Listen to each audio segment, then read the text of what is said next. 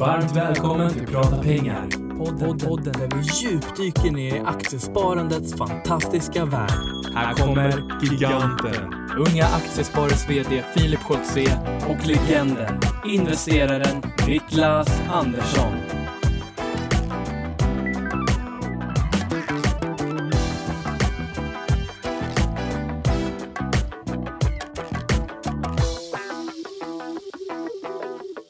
Innan vi sätter igång i dagens podcast så har jag och Patrik eh, ett litet meddelande. Låter så formellt, men riktigt så formellt är det inte. Roligt. Roligt, ja. Eh, Den 20 till 21 mars så kommer vi tillsammans med Nordnet att vara på UF-mässan på, ja, på Stockholmsmässan. Ja, vad roligt. Spännande. Men vad är UF för någonting? UF är ju ung företagsamhet. Drev du det i eh, ett sånt företag i gymnasiet? Tyvärr inte. Jag önskar att jag hade gjort det. Det har varit en fantastisk eh, möjlighet att lära sig nya saker och få liksom driva någonting så pass tidigt i livet.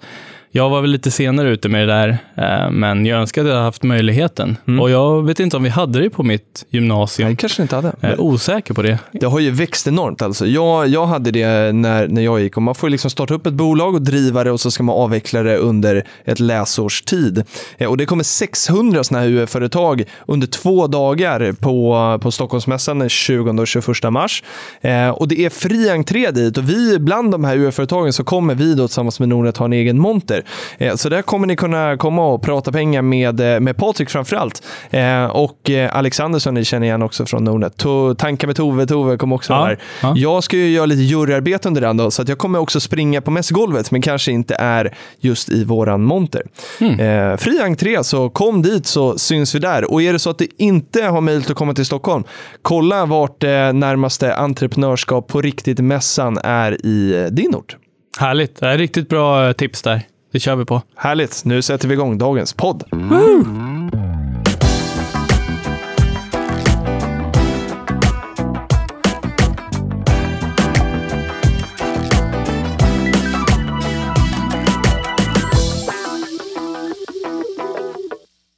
Då säger vi äntligen måndag och varmt välkomna till eh, podden Prata pengar. Vi har nått eh, hela vägen till avsnitt 63, Niklas. Jajamän, det har vi. Varmt välkommen och god morgon på dig. Jag har tagit min kopp kaffe på morgonen och den smakar vidrigare än en bear market. Ja, det kan man ju säga. Alltså, man är ju eh, eh, varmt välkommen att liksom komma hit och fika hos oss, hos Unga Aktiespar Aktiespararna. Men vi kan ju bara ge en heads up på att kaffet är inte det bästa. Nej, lyssnar Aktiespararnas VD på det här så kan vi ju skicka till honom att det är en liten Jag har hört rykten om att eh, det kan vara ny eh, sån på gång. Ja, och är det så att jag pratar alldeles för mycket idag så är det inte mitt fel utan det är i sådana fall för att jag har tagit en extra kopp kaffe här då. Så är det verkligen. Hur har din vecka varit Niklas? Det är ju fredag morgon när vi sitter här. Mm, fantastiskt. Fantastiskt kom, ja. Jo, jag kom på att jag skulle säga någonting, att jag, jag hade gjort någonting, så nu när du frågar så tänkte jag, nej, jag har glömt, jag har glömt hela veckan. Allting går så himla fort. Men nu kom jag på Ja. det. Igår var jag på obligatorisk pappautbildning. Jag har aldrig sett så många gravida människor i en och samma lokal samtidigt. Jag var dock inte gravid, även om man kan tro det. Och det intressanta här, det var att kvinnan som berättade om allt, hur allt går till före graviditeter och att massor av olika, ja, nej, det var inte skräckexempel, men allt som kan hända och allt man ska tänka på. Och vet du vad hon sa? Nej. Jo, hon sa att innan, när kvinnan då här, för Jenny är ju då höggravid, det är två månader kvar och sådär. Hon sa att man ska ta det lugnt och försiktigt, ligga still, inte göra någonting. Man kan också köpa en liten bjällra och så ding, ding, ding, ding, ding när man vill ha mat och sådär, för man behöver energi när man ska, när man ska föda. Och då sa hon, och dessutom, vet du vad man mer ska göra, sa hon? Nej. Man ska titta på Netflix. Och då, då Filip, då lös jag upp. För då började hon prata våra innehav. Verkligen. Och då, då tog det Då skruv. nice. Då lyssnade jag. Och jag vet inte hur många gånger hon pratade Netflix. Jag tycker om det där. Ja. Gräsrotsrörelsen ute på BB Stockholm som pratar om mina innehav. Det är fantastiskt. Och Netflix har ju gått bra för oss. Exakt, Mm. för vet du, vi pratar om det här att teknikrisken är väldigt hög. Jag tror att det var ner en 30-40%. När vi smög in och tog en liten, stek i bolaget, nu ligger det på plus 20 Ja, det- eller sånt där för mig. Så ja, det, är en något 40, sånt. det är en 50-60% i rörelse, to- tutti. Det är inte dåligt. Nej, men det är ju det. Det är den typen av bolag. Det är teknikrisk. Abonnenterna kan bli... Kan Liten liksom... krydda i portföljen. Ja, precis. Vill du höra om Men min vecka? Enough is enough. Ja men du, nu gick du händelserna i förväg. Nu Filip vill jag höra om din Ja, vi har vecka. lite rolig, lite rolig grej och, och, eh, som, som hände den här veckan. Ja, vi har ju, eh, vi är ju tre stycken som svarar i telefon när man ringer till Axelsborg just nu, för Emily i Miami. Eh, så, och jag är en av de här tre såklart, så att när jag svarar i telefon ibland så, så eh, och folk ringer in medlemmar eller icke-medlemmar så vi frågar om Unga Aktiesparare, så händer det att de känner igen min röst. Och så, ah, du, är det du som är med i den här podden? Och det är jättekul, man, man förstår ingenting. Jag jobbar ju här liksom och jag svarar i telefon, det är inga konstigheter. Men, eh, men det fanns ett tillfälle den här veckan där jag hade önskat att personer kanske hade känt igen min röst. Jag var nämligen hos polisen eh, och skulle förnya mitt pass. Och så kom jag in där och så skulle man legitimera sig då. Eh, och eh, så lämnade jag fram mitt körkort. Och mitt körkort eh, ha- hade jag i en plånbok som var lite för liten. Så att den liksom började vikas lite grann för ett par år sedan. Så då tejpade jag den i förebyggande syfte för att den inte skulle spricka. Så lämnade jag över den här till, eh, till passpolisen eller vad de kallar sig. Måste ju tro att du var en ekobrottsling. Ja, hon sa så här, du vi tar inte emot hemmagjorda såna här. Och jag bara, eh, ja okej. Och så började jag liksom argumentera då, för då sa jag, jag hade läst på polisens hemsida jag för mig om att, att så länge körkortet inte är av så är det okej. Så jag bara argumentera. Och hon liksom, eh, hon sa till slut så här, svaret är nej. Så jag fick ju gå därifrån och då hade det ju varit lite toppen om hon hade varit så här, men du alltså, eh, prata pengar är inte, ja, det hade ju inte funkat som legitimation, men du förstår hur jag menar. Lite Jag kul förstår. grej. Så jag har ingen legitimation. Nej, då Eh. får inte du följa med på krogen. Så att AWn på fredag som vi inte ska ha, men teoretiskt sett skulle kunna ha, får inte du följa med på. Nej. Du är lite för liten. Det är som i alla sammanhang. Du är lite för liten Filip. frå- jag sa faktiskt att "Nej, men det har ju funkat i alla an- andra sammanhang, sa hon. Och, eller sa jag, och då sa hon så här, jaha, vart då någonstans? Och jag bara, eh, systemet. Glömde säga banken, för det har fungerat där också faktiskt. Hur som helst, idag eh, har vi med oss en eh, gäst. Eh, kommer du ihåg Niklas, när vi före jul körde en liten aktion till förmån för Musikhjälpen?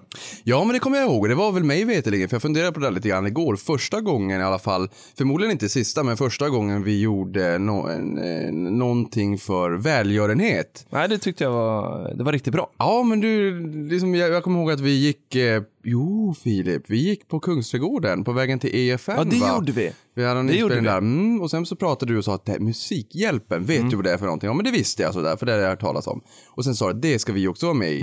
Och eh, till slut, sent om sidor, så fick vi ihop 37 000 kronor totalt, allt som allt som våra lyssnare hjälpte Musikhjälpen och, och fattiga barn, eller fattiga barn var det, men barn i krig som behöver eh, få gå i skola Precis. helt enkelt.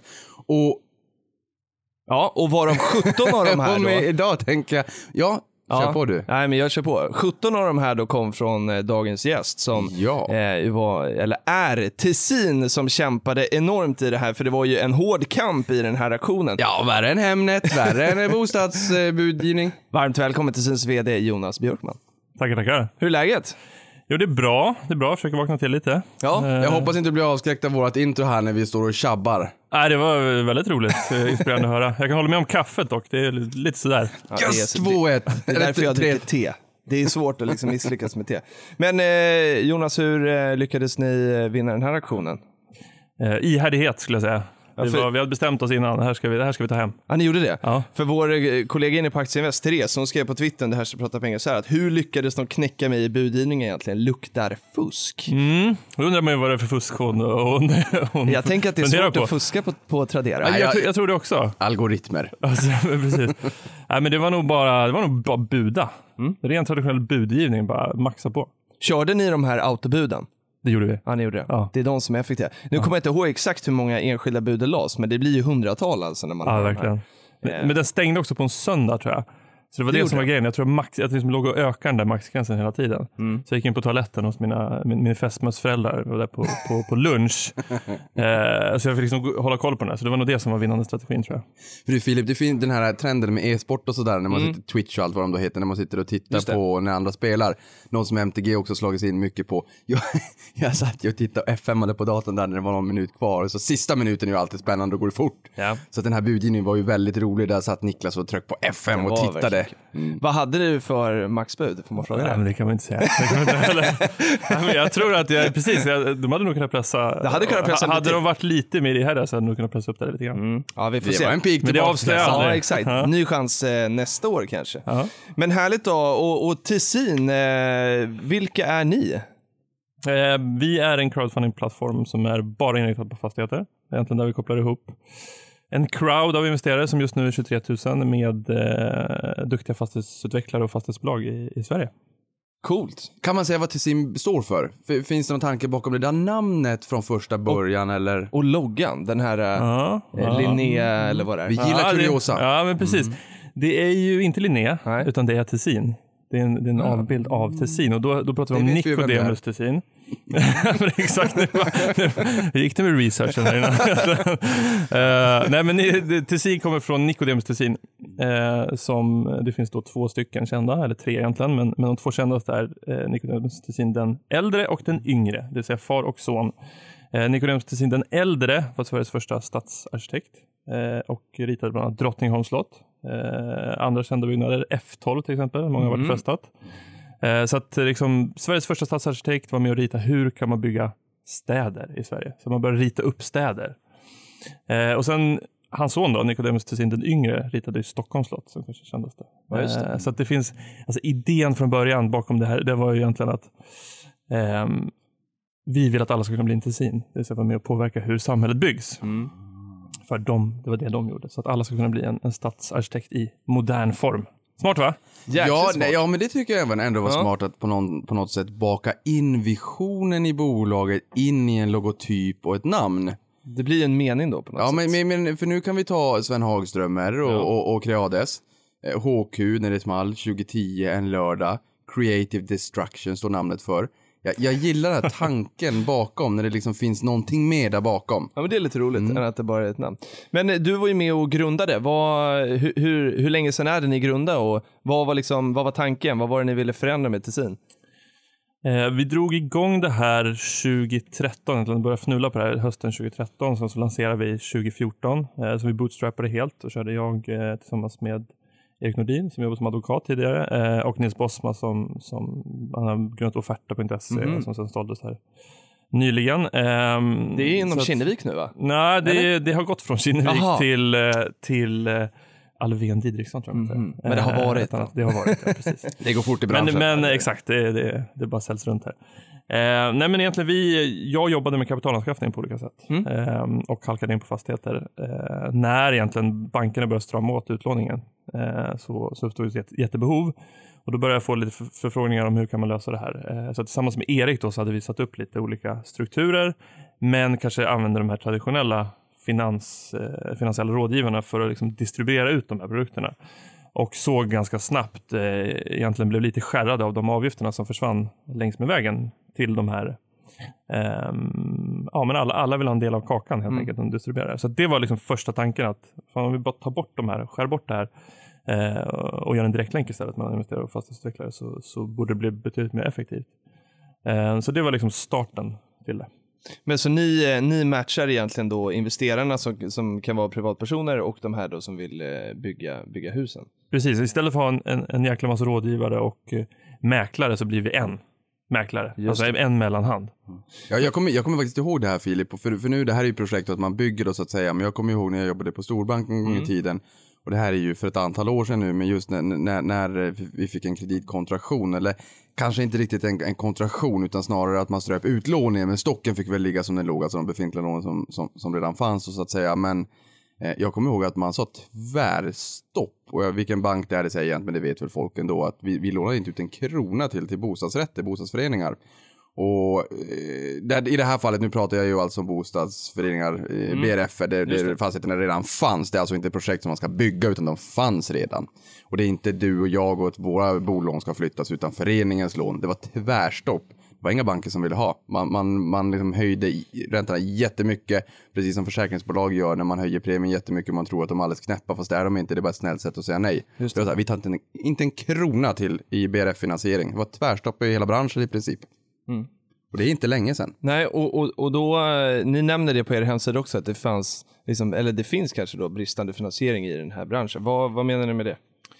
Nej, men det är ju så. Bankerna är ju, så att säga, framförallt i Sverige eh, och de nordiska länderna, så har en jättestor eh, koncentration kring storbankerna. De har varit väldigt aktiva på fastighetssektorn, i, i fastighetssektorn, eh, både vad gäller nyproduktion och, och eh, befintliga liksom, eh, kåkar som står och tickar. Ehm, och det om man tittar på USA och Storbritannien så är det en helt, annat, en helt annan eh, verklighet. Eh, så där finns det andra typer av tjänster. Men i Sverige har vi varit dominerade av storbankerna. Eh, men det som har hänt är att till exempel Basel 3-direktivet. Eh, man har liksom gjort just på bankerna, man har börjat titta på liksom, vad har man för exponering mot olika segment eller olika sektorer, vad har man för exponering mot specifika fastighetsbolag, fastighetsprojekt och så vidare. Så det här har man Eh, och det är ju såklart, det här är ju statlig insättningsgaranti på bankerna, så att de måste ju hålla en viss risknivå, den får inte sticka iväg för mycket. Eh, så att, och, och, nu har det blivit tuffare och tuffare och man skärper det här hela tiden. Och Basel 3-direktivet som kom 2013 har ju gjort att man sakta men säkert håll, behöver komma ner även på befintliga bestånd. Så att de som har legat på 60-70% i belåning har nu liksom tvingats ner mot 50%. Så bara där på befintliga bestånd så har det uppstått ett jättestort kapitalbehov. Och då har det kommit lite olika varianter. Eh, kreditfonder, eh, institutioner som lånar ut direkt och så vidare. Så liksom det har kommit en helt ny marknad för det här när bankerna har klivit ner. Mm. Eh, så det är det, i, i, liksom i det segmentet som vi är inne och, och spelar. Mm. Filip, jag måste bara säga, jag tycker det här är otroligt intressant. Verkligen. För att eh, eh, vi har ju liksom både i branschen, man har kanske hört talas om riskvikter och kapitaltäckning. Jag ska dra Nej. Ett, nej, jag ska dra ett här supersnabbt exempel Ja, så att vi inte stjäl tid. Men eh, säg, säg att man, eh, riskvikten har väl gått från 5% till 25%. Eh, Men vad och- menar man med det då? Exakt min vän. Och det, och det man menar med det är ju så att säga att man ska låna ut en miljon till, till Filip då, han är ju extremt hög risk i och för sig. men, men säg att vi ska låna ut en miljon till dig och man säger då förr i tiden att riskvikten låg på, på 5%. Det innebär att 50 000 av en miljon var risksmittat kapital. Mhm. Så i, när man räknar hur mycket man har lånat ut, man bryr sig inte om de där 950 000 riktigt, utan man bryr sig om de där 50 000. Det är Har alltså man skrivit risken. av resten då? Nej, inte skrivit av. Men, men alltså risken i utlåning, om man tittar på aggregatet på Okej. allt man har lånat ut i banken, så säger man att av en miljon utlånat, så att 50 000, det, det, är, liksom, det är risksmittad utlåning som, som exponeras för risk. Så 50 000 av en miljon, och av de där 50 000, i och med att det är en risk då, så behöver vi hålla en kapitaltäckning på 10 procent. Mhm. Vilket innebär att det var då 5 000 kronor per miljon. Så om man då ökar upp riskvikten från 5 procent till 25 procent så blir det ju från 5 000 till 25 000 kronor man måste hålla. För att eh, om, om man fallerar på bolånemarknaden så alla fallerar förmodligen inte samtidigt. Vi kan ju få ett 91, 92, 93 när fastighetsmarknaden verkligen kollapsar. Men man, folk flyttar nog inte från hus och hem ändå. Vi har haft historiskt väldigt, väldigt eh, lite eh, fallissemang när det kommer till bolån. Eh, och, och jag menar här i Sverige är det väldigt kallt, speciellt om man har bolån och, och bostad på vintern. Man vill ju liksom inte bo på, på gatan. Det, blir, det blir ganska kallt. Och, och, och där har vi liksom, vi, det har inte varit så mycket fall, fallissemang historiskt att säga. Men, men det är ju just det där, hur, hur hög, eh, hur höga riskvikter har vi och hur mycket kapitaltäckning. Riskvikten, alltså hur mycket risksmittat och kapitaltäckningen, hur stor andel i procent av det risksmittade utlåningen behöver vi hålla i buffert i säkerhet om det är så att vi får fallissemang. För bankerna kan ju låna 10, 20, 30 gånger eget kapital. Det är ju så businessen fungerar. Så att man, man, man skär mellan in och utlåning och när, när det går snett då måste man ju ha en liten buffert för att kunna täcka sina, eh, sina, sina förluster. För det är ju inte du och jag som får ta förlusterna, precis som Jonas sa. Det är ju insättningsgaranti. Exakt. Den måste ju bankerna ta. Och det här med riskvikter. Min poäng, det, jag kan aldrig hålla mig kort, men min poäng var att just det här med fastigheter, det är olika riskvikter beroende på utlåning. Japp. Företag har en riskvikt, det är tämligen högre än, än privatpersoner. Och det kanske gör att bankerna blir lite mer intresserade att faktiskt minska kanske belåningen mot företag eller bostadsrättsföreningar till förmån för privatpersoner när vi ser att eh, marginalerna börjar krypa. Du vet när jag började jobba i bank Filip, 45-50 punkter, 0,4-0,5 procentenheter på bolåning var inga konstigheter. Nu senast sa Finansinspektionen att det låg på 173 punkter eller 1,73 procent i påslag, i marginal. När man får in Scans hamburgare till ICA så lägger man på sin egen förtjänst och sen säljer man ut till kund. Det är på rekordnivåer. Då kanske bankerna, nu är jag i stängnings... Nu är jag i stängningskålen, nu ska jag sluta prata. Men det kanske gör att man tenderar att dra ner utlåningen till företag eller BRF där man måste hålla hög riskvikt, det är högt risksmittat kapital, man måste hålla mycket pengar till förmån för privatpersoner där man kan hålla höga marginaler på utlåningen plus att det blir mindre riskvikt vilket gör att lönsamheten stiger. Punkt. Ja, det var ingen fråga? Nej. Nähä, okej. Det var en, en utsvävning. Det var en oerhört bra genomgång tycker jag. Det är, alltså, framförallt bankerna, det där är, det är inte många som känner till. Alltså, det, Nej. Ja. Ja, och jag menar, Det är verkligen då kan man ju säga att börsen har stigit någonstans 220-230 procent sedan botten 2009. Bolånemarginalerna på bankerna. Jag gjorde nämligen en sån här bild, jag tyckte det var jätteroligt. Den har stigit mellan 6 och 700 procent. Då var det ner på låga nivåer, men likväl, jädrans vilken marginalexpansion vi haft. Det var fart under galoscherna. Men de här eh, projekten då som, som hamnar hos er, Jonas, vad, vad är det för typ av projekt som, som går till en, en crowdfunding-plattform jämfört med den, de vanliga klassiska? Vi, det, det, det, vi har lite olika projekt. Alltså vårt mål är att man egentligen ska kunna bygga en, en fastighetsportfölj på nätet. Så vi vill ju ha liksom allt ifrån eh, lågavkastande hyresbostäder i en, en, storstad till liksom, exklusiva bostadsrätter på Östermalm i, i Stockholm. Så vi vill ju ha hela spannet. Ehm, och, eh, så det kan vara någon som förvärvar någonting eh, som är i behov av en förvärvsfinansiering. När man får viss finansiering bank, från banken stoppar in en del själv och sen så behöver man liksom ytterligare lite kapital för att göra det. Eh, till en, så att säga, eh, en, en duktig fastighetsutvecklare som har byggt mycket i Stockholms, Stockholms innerstad och egentligen också har byggkreditivet på plats men i och med att banken har kommit ner från att du kanske får 40% byggkreditiv så kommer vi in och, och täcker upp det. Och det, är- det, är- vi jobbar bara med seriösa och, och duktiga fastighetsutvecklare eller, och, och bolag. Och hur, hur stor eh, är eran liksom genomgång? För att jag, nu, eh, jag läste också i tidningen i morse, ni, eh, det var ju väldigt passande. Vår juristkollega på Aktiespararna smsade mig vid midnatt igår och sa att kolla här, Tessin- det står om Tessin DI. Ehm, och att ni ska expandera i Norden och sådär. Vi kan komma in på det lite senare. Men då stod det väldigt tydligt att ni får väldigt mycket ansökningar om sådana här projekt och ni tackar nej till sju av tio, var det så? Mm, högst ovetenskaplig liksom. högst Men ovetenskapligt tackar uttalande. mer men- nej än ja alltså? Absolut. Alltså Ja. vi, har ju, vi får ju enormt mycket förfrågningar eh, som vi egentligen sållar direkt. Mm. Eh, den första kontrollfrågan brukar ju vara liksom, okej, hur mycket investerar ni själva? Mm. Och är, är svaret noll, ja, då går vi vidare. Så säga. det, är inte, det är inte svårare än så. För vi vill aldrig, det ska aldrig vara 100% liksom belåning. Eh, I och med att vi vill att de som liksom, köper det här eller eh, bygger någonting ska ta störst risk. Du, det, det, det, där gillar jag. Mm. Vad, Jag har vi, vad, har vi sagt, vad har vi sagt om att flyga flygplan med, med radiostyrt från, eh, från Vi har sagt flygplatsen? att det är bra. Exakt. Piloten måste sitta i planet och ta ja. egen risk. Mm. Ja, men så det, det är den första kontroll, kontrollfrågan. Sen så gör vi en, en, en, eh, en bedömning av projektet. Det kan ju variera lite. Så att säga, vi vill ju inte vi vill ju kunna prissätta risk. Sen vilken nivå om man har satt rätt, rätt pris, det är, det, som är, det är alltid den stora frågan. Verkligen. Men vi vill ju också kunna erbjuda liksom hög, högriskprojekt med hög avkastning och så vill vi ha lite lägre riskprojekt med lägre avkastning. Ehm, så att vi tittar på caset utifrån, äh, finns det en bärighet i det? Finns det hur ser projektkalkylerna ut? Eh, hur ser belåningen ut? Är det till exempel om man har, eh, ska bygga någonting, har man fått ett byggkreditiv beviljat från banken? Har man så att säga, ungefär som att man har låne, lånelöfte från, Mm. när man köper en lägenhet. Ehm, så det tittar vi på. Mm. Eh, och sen så går vi igenom all historik. Vi har liksom nästan utvecklat en, en manisk eh, att säga, credit safe. Eh, vi sitter liksom och, och nästan när vi pratar med dem direkt så kollar vi hur ser bolagen ut. Finns det några konkurser? Eh, och då ska man inte säga att man får absolut inte ha någon konkurs bakom sig. För det kan, alltså, många duktiga entreprenörer har någon gång åkt på en smäll. Men det vi tittar efter är mönster. Finns det någon systematik i det här? Liksom? Har, man, har man sett att okay, men de har fyra fastighetsbolag bakom sig, eh, alla gått i konken och nu har de ett nytt projekt som, som eh, ser fint ut i kalkylen men tror man på den här personen. Mm. Ehm, så det är också en ganska grundlig kontroll och sen så gör vi eh, klassisk legal DD. Vi ringer runt till alla dom, eh, domstolar. Ja, det. Ehm, Men och det här gör ni själva eller köper ni in den här det kontrollen? här gör vi själva. Ja, ni gör det. Ehm, det gör vi själva. Däremot så tar vi, vi säger det aldrig, utan vi gör ju det här för oss själva. För Mm. att inte, vi, vi ser en långsiktighet i det här. Så att, så att det vill, vi vill ju aldrig släppa in några kriminella på plattformen. Ehm, det är ju vårt, vårt, vårt yttersta mål. Mm. Eh, Så att vi gör det här för, för oss själva och sen för att vi ska leverera en bra, bra produkt till de som Just det. Men vad, om man tittar då, liksom, vad är ert ansvar som plattform egentligen i den här liksom, matchmaking eh, tjänsten? När det väl har ma- matchats, är ni liksom fria då någonstans? Är det därför ni gör en så gedigen liksom, kontroll? Eller är ni med liksom, hela vägen och tar ansvar?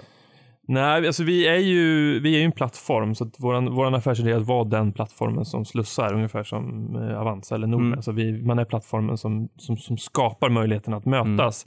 Eh, men däremot så vill man ju ha vissa regler. Eh, har du börsen så har du, där har du några som kontrollerar det här så, att, så att då kan man ju luta sig tillbaka på det. Men vi måste ju på något sätt göra en egen bedömning också för att se att det här är, är vettiga case. Mm. Eh, men vi är alltså vi investerar inte själva som bolag, vi Nej. inte.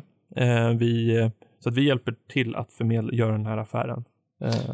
Men, men jag tänker lite grann Filip så här, för att, att, att ha en konkurs bakom sig, det håller jag med om. Det, det, det, det kan både vara negativt och positivt. Man får liksom titta på karaktärerna av, av konkursen, precis som... Det är mönstren. man Ja, såklart. precis som att det kan finnas eh, defensiva och, och eh, lite mera offensiva nyemissioner. Det är precis samma sak. Och Thomas Edison, han, för, han misslyckades med glödlampan 3999 gånger innan han lyckas den 4000 gången. Och vi har glödlampor runt omkring oss i vår vardag hela tiden. Men det jag skulle vilja veta, Dessutom LED-lampor nu också som Ledil som Ratos har köpt. Det är jävla bra lönsamhet. Jag köpte en, Fråga. lamp, jag köpte lampa till bilen här. 2000 kronor fick jag betala för en Ja, liten. LED-lampa. Ja. Men det är också Jag bytte på UA-bilen, det var gratis. min bil är lite finare. det är lite dyrare. Men, men, men, men, det jag tänker här är ju eh, Tessin som bolag. För att Eh, vart, vilken del av kakan i marknaden står ni? Om vi säger från en skala 0 till 10 eller från vänster till höger. Jag menar, det är ju inte, det är ju ändå inte lågriskprojekt, det är det ju inte. Och de projekten som ni har, är det, mm, eh, för du, du säger ni väljer bort ganska många.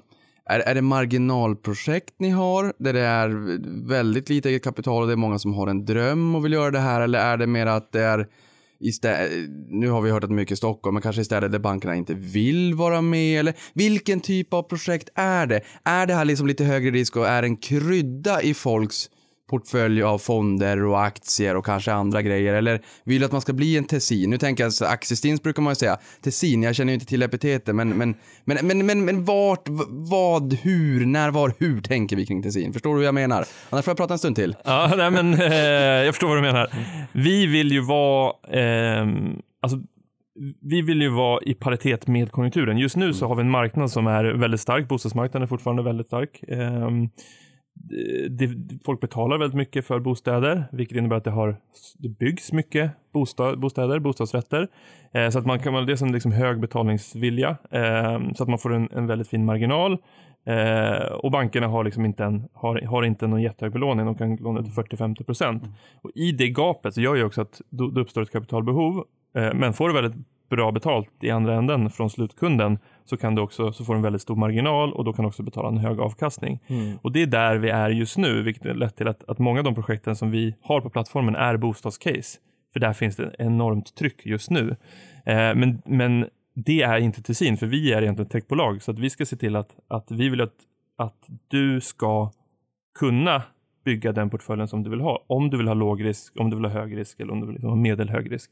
Eh, olika löptider, hur länge vill du låsa kapitalet? Ska det vara liksom en kassaflödestick eller ska det vara en, ett 12 månaders projekt när man bygger någonting med lite hög risk? Eh, det är vårt mål, men nu har vi liksom hamnat i det segmentet. Så just nu skulle jag säga absolut, det är en krydda i portföljen. Det här är inget, vi vill inte att någon ska putta in sina, alla sina besparingar i det här, utan Nej. det här ska vara en liten del av det. Ehm, och, och jag vill bara säga liksom att, att målet på sikt är att om man tittar på, ofta så pratar du om att okej, man vill ha en fastighetsexponering i sin portfölj.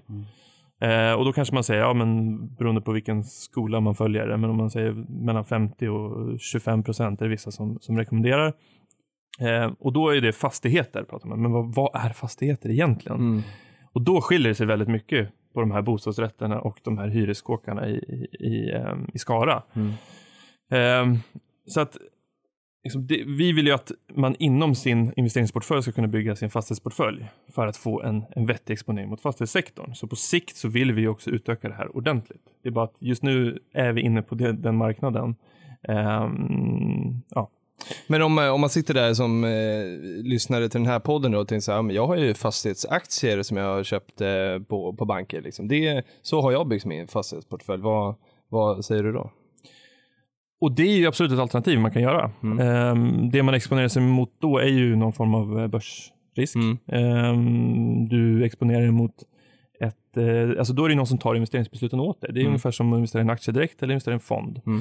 Eh, vi vill istället att du ska kunna bygga din egen fastighetsportfölj beroende på hur du tycker att den ska se ut. Så att säga, jag vill ha jag bor i, i Uppsala och jag, vill, jag tror väldigt liksom, lokalt på Uppsalas bostadsmarknad till exempel. Ja, men då, då ska jag kunna bygga den portföljen lokalt och ha den exponeringen.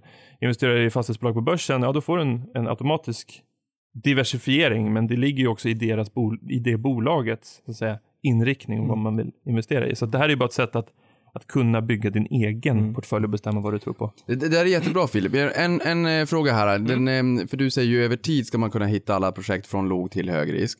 Eh, vart befinner ni i dagsläget från skalan vatten till smaksatt crème fraîche till cayennepeppar? Om ni tittar på aggregatet på liksom projekt just Cayennepeppar är nu. då hög, hög risk. Jajamän, jajamän, det är en Eh, pikant risk. Ja, men jag skulle säga att vi ligger mellan cayennepeppar och vad sa du? Eh, crème fraîche. och, Smaksatt eh, crème ja, fraîche. Precis, exakt. Smaksatt crème fraîche. Där, där någonstans ligger vi. Mm. Jag tror att det är där, eh, ja, vi har hamnat där på grund av mark att marknaden ser ut så eh, i dagsläget. Ja. Men vi har kört industri-BRF-er, Mm. vi har kört stora hyresbestånd, vi har kört lekland, så att det är liksom en, en väldig blandning också.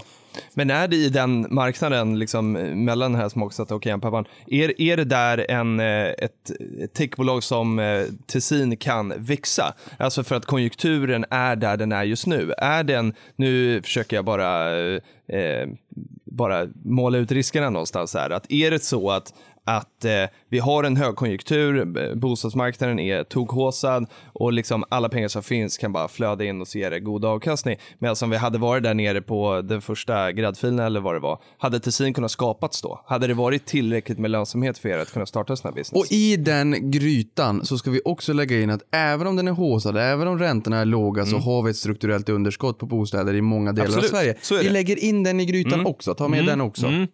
Mm. Ja, det var många parametrar här. Men eh, Ja, ja. eh, det är klart att vi gynnas av en stark fastighetsmarknad och låga räntor. För vad händer då? Jo, man, vill, man letar avkastning ljus och lykta. Okej, där finns det någon avkastning. Jag går dit. Jag får ingenting på banken. Så det är klart att vi gynnas av en, en, en, en god konjunktur. Det vore dumt att säga något annat. Eh, men det finns fortfarande, det är kanske så att får du en, en, en sättning i marknaden, får man, så att säga, det var ju om det är någon gång man önskar att det fanns kapital så var det därefter finanskrisen när pris, priserna Mm. ra, rasade. Om än hyfsat tillfälligt så det är ju helt plötsligt då du får köplägen Mm. och då helt plötsligt ströp alla kanaler till. Vi vill ju se till att det finns en, en finansieringskanal. Alltså då var bankerna nej, totalstopp. Eh, såklart så kommer kapitalinflödet minska, men det finns ju fortfarande folk som vill investera i de lägena också. Eh, så att vi vill ha en effektiv tillgång till kapital även i sådana lägen. Ehm, så det är också bostadsmarknaden i- till sin del, men sen har du också det finns ju andra parametrar också, vi, vi, liksom, till exempel logistikfastigheter. Det kanske mer påverkas av, om man tittar på värdet på dem, kanske mer påverkas av eh, kronkursen, hur stark kronan är. Eh, om du kan importera mycket och sen så du köper mycket och då måste du distribuera ut det här. Ja, men då blir logistikfastigheterna för ett annat värde. Så man får också tänka på att, att fastigheter är väldigt, väldigt brett. Och, ehm, så att, och, och det är inte bostadsmarknaden, det är en marknad inom fastigheter eh, som det är väldigt mycket fokus på just nu. Men, men, men det finns en betydligt större bredd. Vi ska ta eh, Twitterfråga. Vi, eh, den här om eh, Eh, varför man skulle investera via er istället för eh, fastighetsaktier. Den frågades faktiskt av tiden på sin sida under hashtag prata pengar. Men vi har också eh, fått in en fråga från Mikael Hollert som eh, lite på det. Nu har vi kollat lite liksom vilka är de här projekten som, som kommer till er. Men sen har vi då andra sidan med, med investerare och då undrar Mikael Hollert så här. Eh, om det blir aktuellt för småsparare att investera någon gång, för då säger han att 50 000 kronor är för mycket. Eh, och, det, och det kan jag verkligen hålla med om. 50 000 kronor är ju jättemycket pengar. Eh, är det liksom minimumgränsen för alla projekt och varför är det så i så fall? Vi har haft eh, projekt med, som har varit, lite lägre. Vi har haft nere på 20 000 också. Vi, precis när vi drog igång så låg den på ungefär 12, 12 000. Ehm, men det finns egentligen av två anledningar. Eh, den, den ena är att det är fortfarande ganska komplexa case. Så jag måste förstå, finns det ett byggkreditiv i det här projektet? Eh, Hur lång är löptiden? Är bostäderna sålda? Det krävs lite inläsning. Eh, vilket innebär att investerar du 50 000 kronor så tenderar du att läsa på lite mer. Det är en större peng som ska in.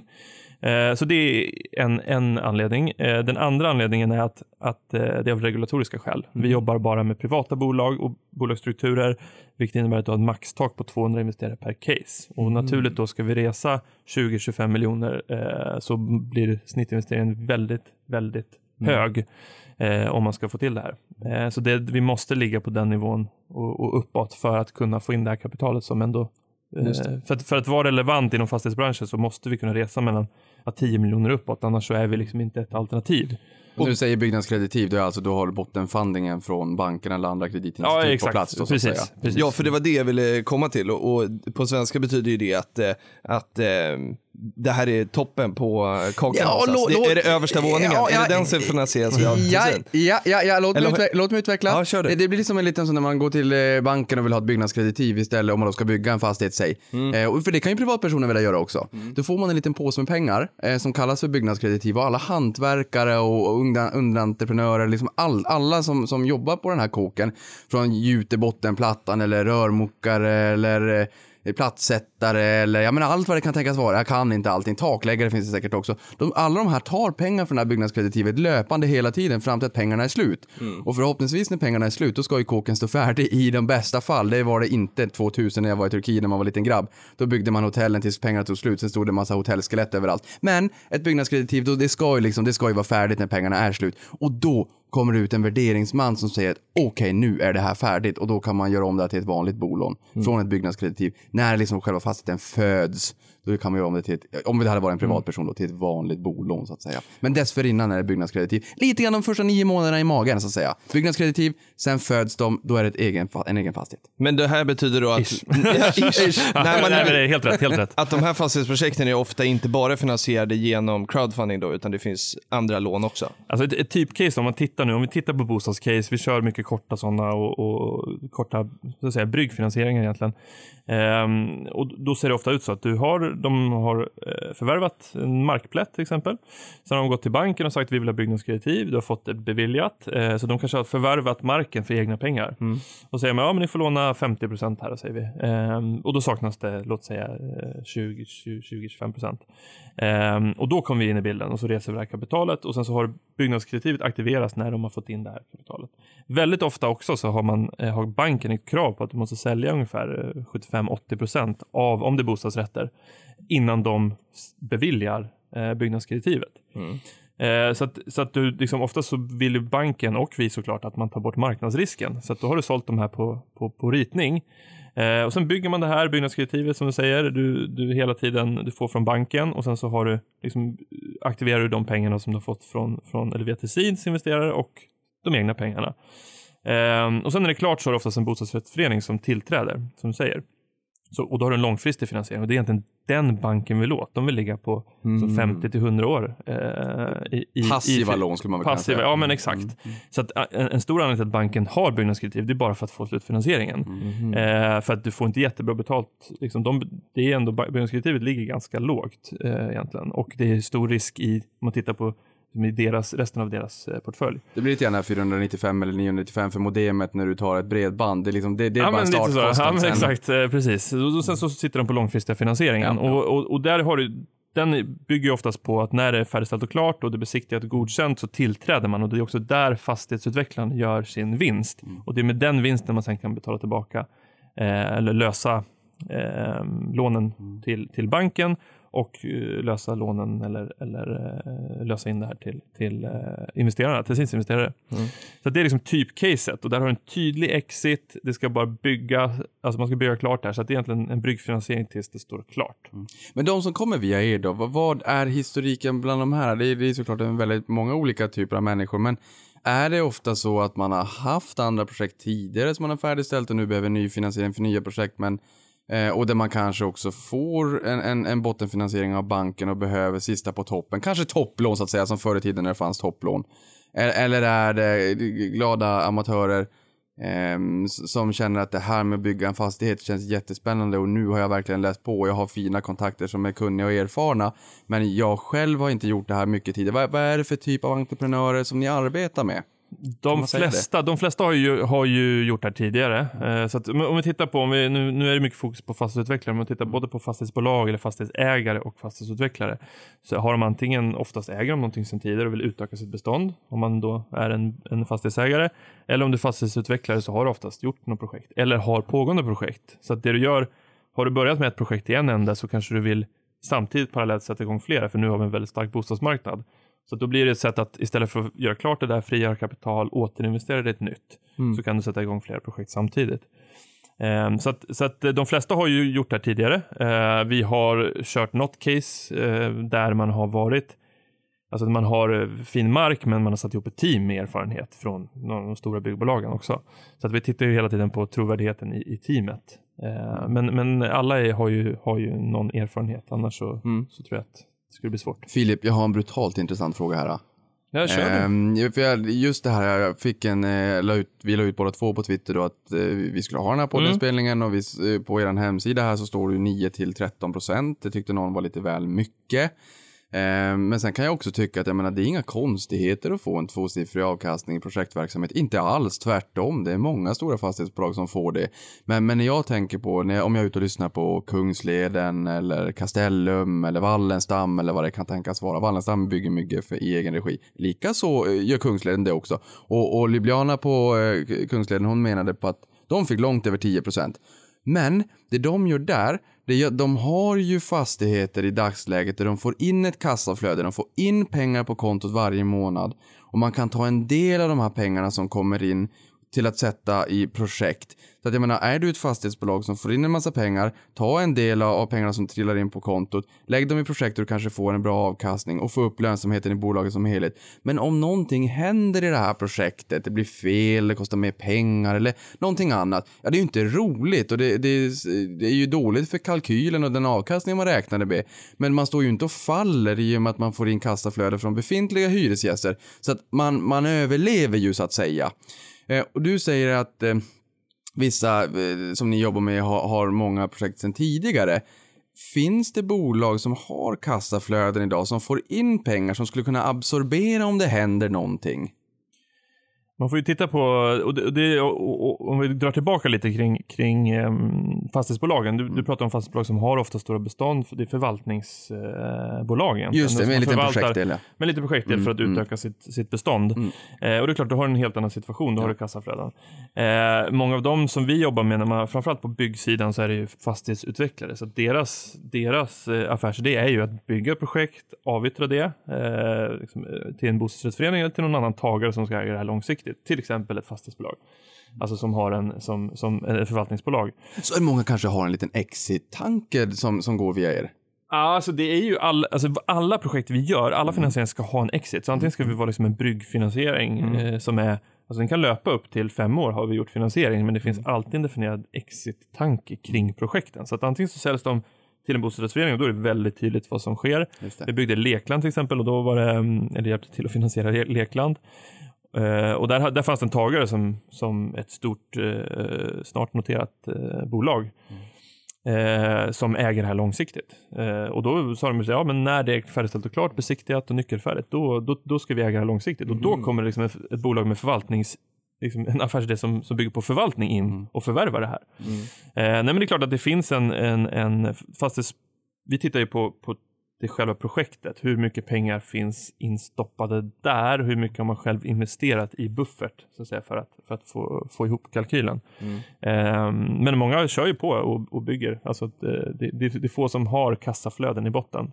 Om du inte köper ett befintligt bestånd eller bygger något nytt. Vilket vi också har kört. Så det, det är väldigt varierande. Men den här tiden då, upp till fem år säger du, vad, vad brukar de här, om vi säger nu att man har 50 000 eller, eller vad det här projektet nu kräver och så investerar man, liksom, ta oss igenom processen. Liksom. Hur, hur, hur långt brukar det vara i, i snitt och kan man komma ur under tiden eller hur ser det ut? Eh, De flesta, vi har ju också sett en tendens, liksom. det har varit lite skakigt på börsen, lite osäkerhet, vad kommer hända? Vilket innebär att väldigt många har ju börjat, eh, alltså vill ha lite kortare projekt. Och då kan man säga att många av de projekten vi kör har lite kortare löptider, 12 till, till 24 månader. Okej. Och det är egentligen styrt av att det är det intresset man har, för man är lite osäker på hur länge ska jag binda upp mina pengar.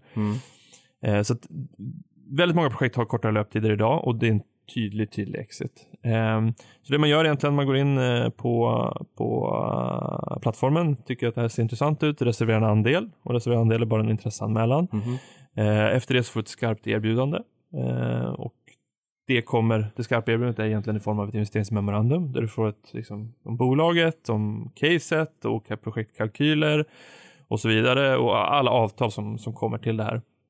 Ehm, och sen investerar du pengarna och här är liksom en, en skillnad från, från många andra plattformar att vi tar inte emot pengar utan du investerar direkt i fastighetsbolaget, eh, i det projektbolaget eller i moderbolaget om det nu är det. Så att pengarna går in direkt till bolaget eh, och börjar arbeta förhoppningsvis enligt den planen som man har satt. Eh, och sen så börjar man aktivera, bygga under tiden så, så eh, försöker vi få liksom, se till att vi har ett, ett kontinuerligt nyhetsflöde. Nu eh, är grunden klar.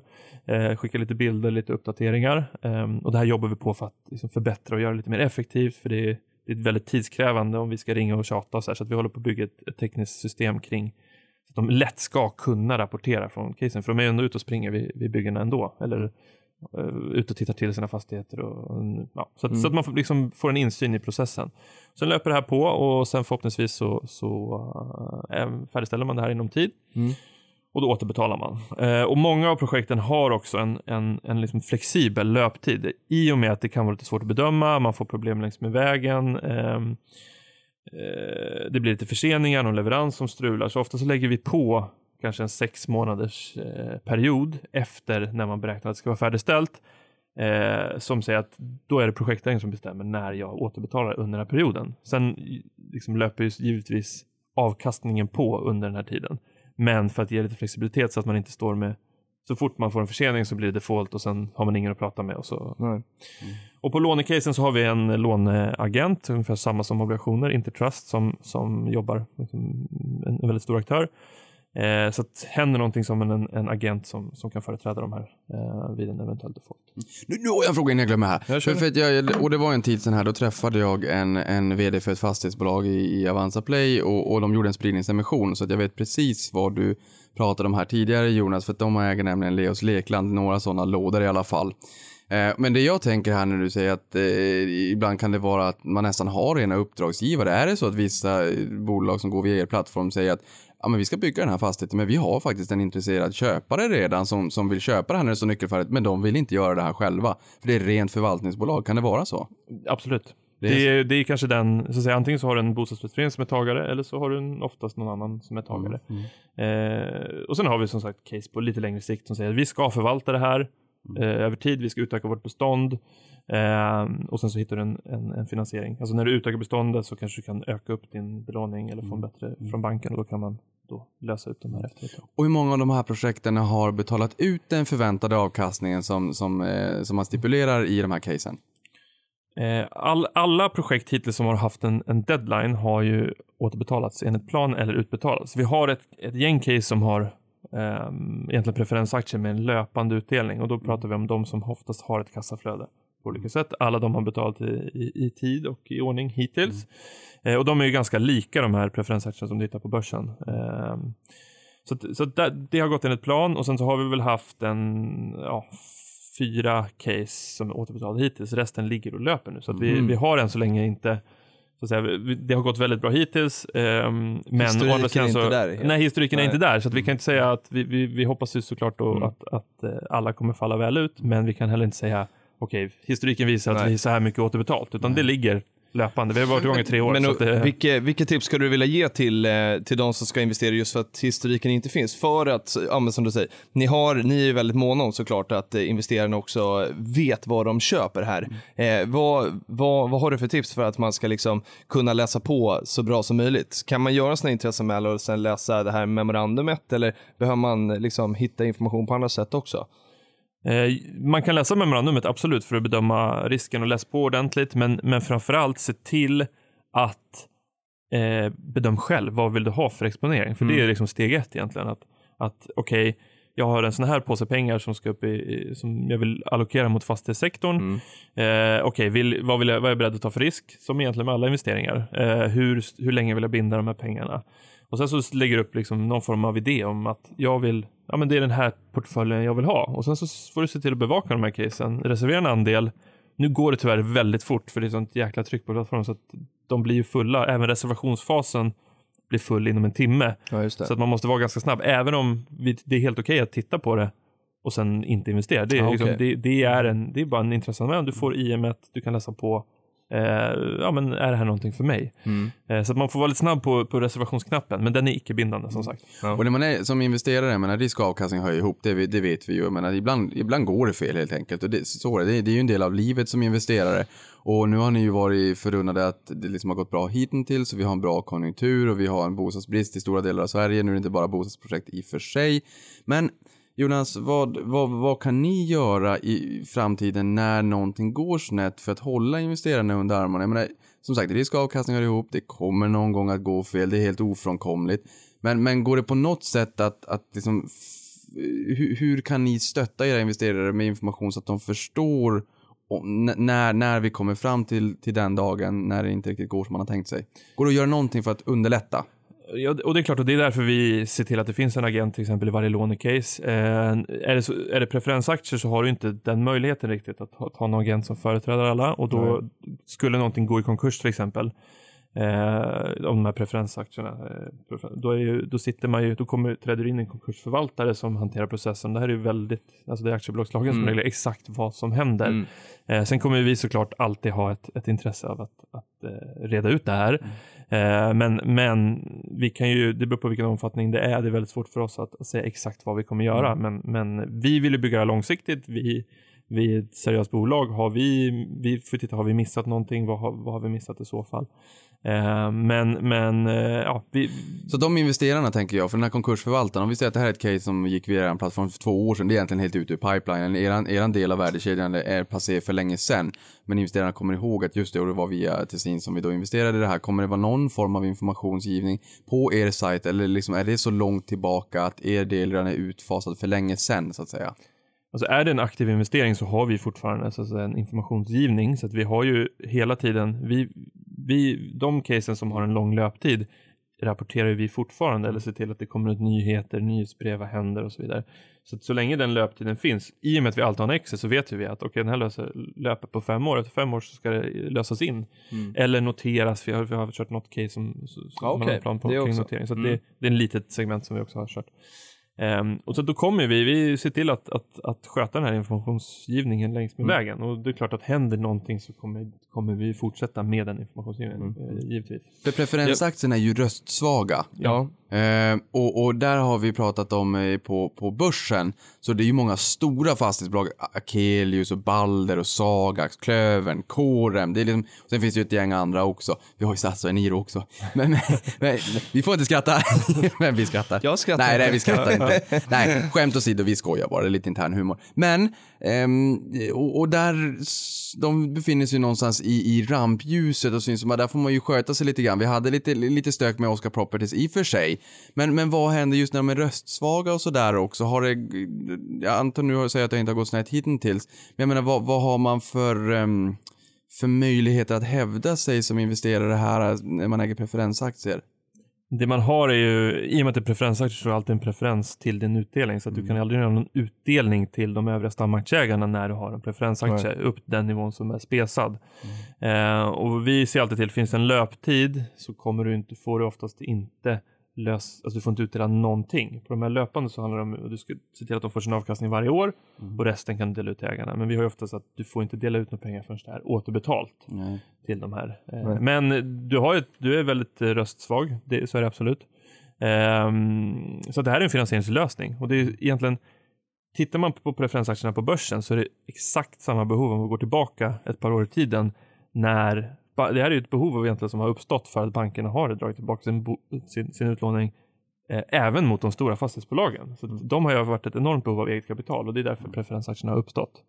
Jag har en, eh, vi ska alldeles strax eh, avrunda och medans Niklas, vi har ju jättemycket frågor idag men vi kommer inte hinna alla. Eh, så medans Niklas, han sitter och bockar av här vilka vi har tagit, det ser jättekul ut. Men medans Niklas funderar på sin sista fråga så kan jag ställa min sista fråga. Eh, och jag läste ju då här i, i Dagens Industri här i, i morse om er framtid och vad som ska hända och sådär. Och det får du jättegärna liksom, kommentera på för det verkar jättespännande. Men en grej som, som jag tänker på just i crowdfunding, eh, det finns ett annat bolag som heter Peppins. Eh, och, och de har ju erbjudit eh, eh, de som har investerat i sånt som inte är börsnoterat att man liksom kan sälja eh, under perioden. Liksom. Eh, finns det några sådana tankar för er i liksom, framtidsplanerna att man ska kunna liksom, komma ur ett projekt innan exiten? Eh, Vi har ju oftast, så att säga, vi har ju oftast en löptid som vi vill att man, när man går in så ska man oftast säga, ja men okej, är det en treårs löptid så är det en treårs löptid. Och, det är den, eh, och då, då är det klart att det skulle vara fint att kunna erbjuda någon som att, att kunna kliva ur den investeringen. Är det lån så är det icke överlåtbara, så där går det inte att överlåta, men är det preferensaktier så går det oftast. Eh, men vi har ju resonerat så, ska man ha en andrahandsmarknad, som jag vet att Peppins har varit inne på, så kräver det likviditet. Eh, för annars, jag menar, det, det kan ju vara till och med svårt på aktietorget att, att sälja en, en, en aktie eh, liksom en, med en omsättning på 5-10 tusen per Mm. dag. Och vi har också resonerat att även om vi sätter upp det här så blir det mycket liksom, bara för syns skull, och, eh, men, men det måste ju finnas tagare. Mm. Och klart, när vi växer och får upp en, en större liksom, användarbas så kanske vi når dit att vi kan erbjuda det när vi har en, en tillräcklig, för, för att ha den här likviditeten. Ja, just det. Ehm, så att vi, än så länge har vi valt att, att ha löptider istället. Mm. Ehm, Och vi har ju en av våra gyllene regler är ju att vara långsiktiga, så man kanske ska liksom eh, hålla sig till det då. Sådär. Men Eh, möjligheterna är alltid bra. Ja, men precis. Och, och, Peppins, de har ju mer en, liksom, en, annan typ av, av profilering. Det är Ja, pre-IPO case oftast och, Mm. Och tills de har noterats så, så och, vill man ha liksom lite handel. Men jag tror att de har också svårt att få upp den här volymen. Det är än så länge i alla fall. Utmaning. Vad säger du Niklas? Ja, men Vad blir det för sista fråga? Ja, men det intressanta var här ju att eh, en av mina frågor var just det här med andrahandsmarknad. Ja, om man precis. kan liksom upprätta en sån och det fick vi redan svar på så den har bockat av än. Men Jonas, våran utmaning här är ju att vi har en tid att förhålla oss till som vi, i Filip blir Ställ, här- ställ, ställ din fråga. Ja, Ja, ja, ja, jag tycker också det är tråkigt. Filip blir röd när man liksom drar över. Vi, det här är inte bara en fråga, vi kommer dra ett gäng frågor nu. Men, men, men vi får inte ta längre tid än om, som om det vore en fråga bara. Så därför blir det korta svar. Jag liksom alternerar lite grann. Eh, varför varierar minimiinvesteringen mellan projekten? Eh, det beror på av den här regulatoriska skälen, max 200. Max Värderingsprocessen av projekten, fastigheten, när man investerar. Hur kvalitetssäkrar ni de, de här projekten och hur, hur går värderingsprocessen till? Ja, vi tittar ju på casen oftast och, och då är det ju en, liksom en värdering i slutändan som görs, eh, som, som, som banken vill ha för byggkreditivet också. När det här är klart, hur mycket, det, eh, liksom, hur mycket kommer det vara värt? Är det befintliga bestånd, då har ju oftast projektägaren gjort en, en, eh, en värdering som de har använt gentemot banken. Så En extern värdering så att säga Exakt, men det är inte alltid att det finns den här typen av värdering. Det är inte, det är, Kommer ni upp för en andrahandsmarknad? Nu pratar vi om det här. Det här blir bara en ja nej fråga. Eh, Du kan Vi säga nja också. för 2017, nej. Framåt kanske. Det, det är där man diskuterar. Ja, nu sa du fri. Ja, okej, då är jag med. Mm. Hur stor del av lånen är helt utan säkerheter, inga panter överhuvudtaget kontra liksom så här, att det är en toppfinansiering? Det- Eller, eller kontra toppfinansiering, att det fortfarande är en pant men att det är på toppen. Alltså, och, eh, så att säga, de, de flesta casen har någon form av säkerhet, antingen aktiepant eller, mod, eller borgen, eh, proprieborgen från, från närliggande bolag. Eh, vi har inte kört någon case än med fastighetspant, eh, för den sitter oftast banken på. Eh, däremot är det ett segment som vi kommer gå in på nu eh, Ja. framöver. Och vad händer om någonting går snett? Om ni får något problem, Tessin som plattform får något problem under en pågående process, vad händer med investerarna då? I och med att man betalar direkt till fastighetsbolagen så, så kommer man som investerare inte bli drabbad av det, utan du, du investerar ju direkt i bolagen. Så Bra. Vart ser jag aktierna när jag har investerat? Du, är det preferensaktier så ser du det i eh, Nordiska värdepappersregistret, en, en elektronisk aktiebok. Men du ser inte det på någon, någon depå, utan det är en, den, eh, elektronisk aktiebok. Ja, sist men inte minst, en väldigt viktig fråga. Eh, ni emitterar ju även skuldebrev. Skuldebreven har eh, förbud mot överlåtelse. Jag kan alltså inte ge dem till Filip. Eh, tur, från Filip. Filip sa snälla, snälla kan jag få det där? Så säger nej men det går inte, det är överlåtelseförbud. Och, och vad händer här för? Jag menar, får bolaget betalningssvårigheter så har ni en låneagent. Och, så kan, och, och det här är även en fråga vad som händer med, med panter, om man måste realisera panter, för det är inte gratis. Man måste ut i fastigheten och en legal process och det är hit och dit och kanske lite tingsrätt och lite tråkigheter och sådär. Och det här kostar ju pengar. Och samma sak med låneagenten. Det står att ag- aggregatet av, av långivare måste godkänna den här processen och man måste godkänna låneagentens kostnader. Vad är det för kostnader? Var, rent, vad, vad händer när det går snett och vad, vad kan det kosta mig som investerare då? Nu kan vi flyga ut lite grann för det här är ju men sista. Ja, men- frågan. och den- och den är väldigt, det är väldigt svårt att säga och det är också därför den parametern måste finnas i och med att du vet inte hur stor processen blir. Vad, vad är för, vad är det för liksom, hur, hur stor är processen att pantrealisera? Mm. Eh, därför så kan inte vi eller någon liksom säga att ja, men vi går in och tar den här kostnaden för den kan bli hur stor som helst och då kanske vi går i konkurs. Ja. Så därför så är det ju ofta att de som driver processen måste också stå för de efterföljande kostnaderna. Men sen har ju, så att säga, agenten har ju betalt för att bevaka det här och kunna träda in. Men sen kan det uppstå kostnader och då måste man som kollektiv gå, emot, gå, gå ihop mot agenten och säga okej, vi, vi godkänner det här upplägget och vi är beredda att driva den här processen. Okej, så agenten har betalt för att göra en viss del av jobbet så att säga fram till en punkt där man säger att okej, de, så här. de håller panterna helt enkelt. Som en aktiepant till exempel Ja. så, så får de ett, ett fysiskt aktiebrev som de låser in i ett kassaskåp. Det, det, är, inte, det, är, det, är, så, det är så enkelt. Eh, Så de får betalt för den processen. Ja. Härligt! För, för nu, för nu hinner så, vi inte mer. Nej, nej, för nu för Ja. tiden så är det väl fysiska eh, aktiebrev och sånt där i ABn, inte på börsen, för de är ju digitaliserade sedan slutet av 80, början på 90-talet. kan det Men, men i bolag är de fysiska Ja, fortfarande. det är få som har det. De flesta har bara aktiebok. Men vi ser till att man tar ut aktiebrev då för att kunna bevisa att man har det. Så det är, de flesta kör bara vanlig aktiebok. Härligt. digitalt. Eh, bra jobbat Niklas. Det där sista övningen ska vi jobba mer på så vi får lite mer effektivitet Du, i Jonas, den här tyckte podden. inte du att det här var ganska nytänkande att säga väl- flera frågor på? Ja, det var väldigt bra. Vi ska jag, tränar på att prata snabbt också, så att det, det är bra. Nu är jag uppe i varv. Du skötte det jättebra Jonas. Det var jättekul att, eh, att ni vann den här budgivningen och att det var just du som fick eh, komma hit. Vi är jättenöjda med det. Ja, okej. Jag har fått upplysa spararna. Du är varmt välkommen eh, tillbaka. Tack. Tack Niklas. Bra jobbat idag och till Patrik också. Vi hörs igen nästa vecka. Jonas skötte sig bra, Niklas då, hej då. Hej då! Hej då!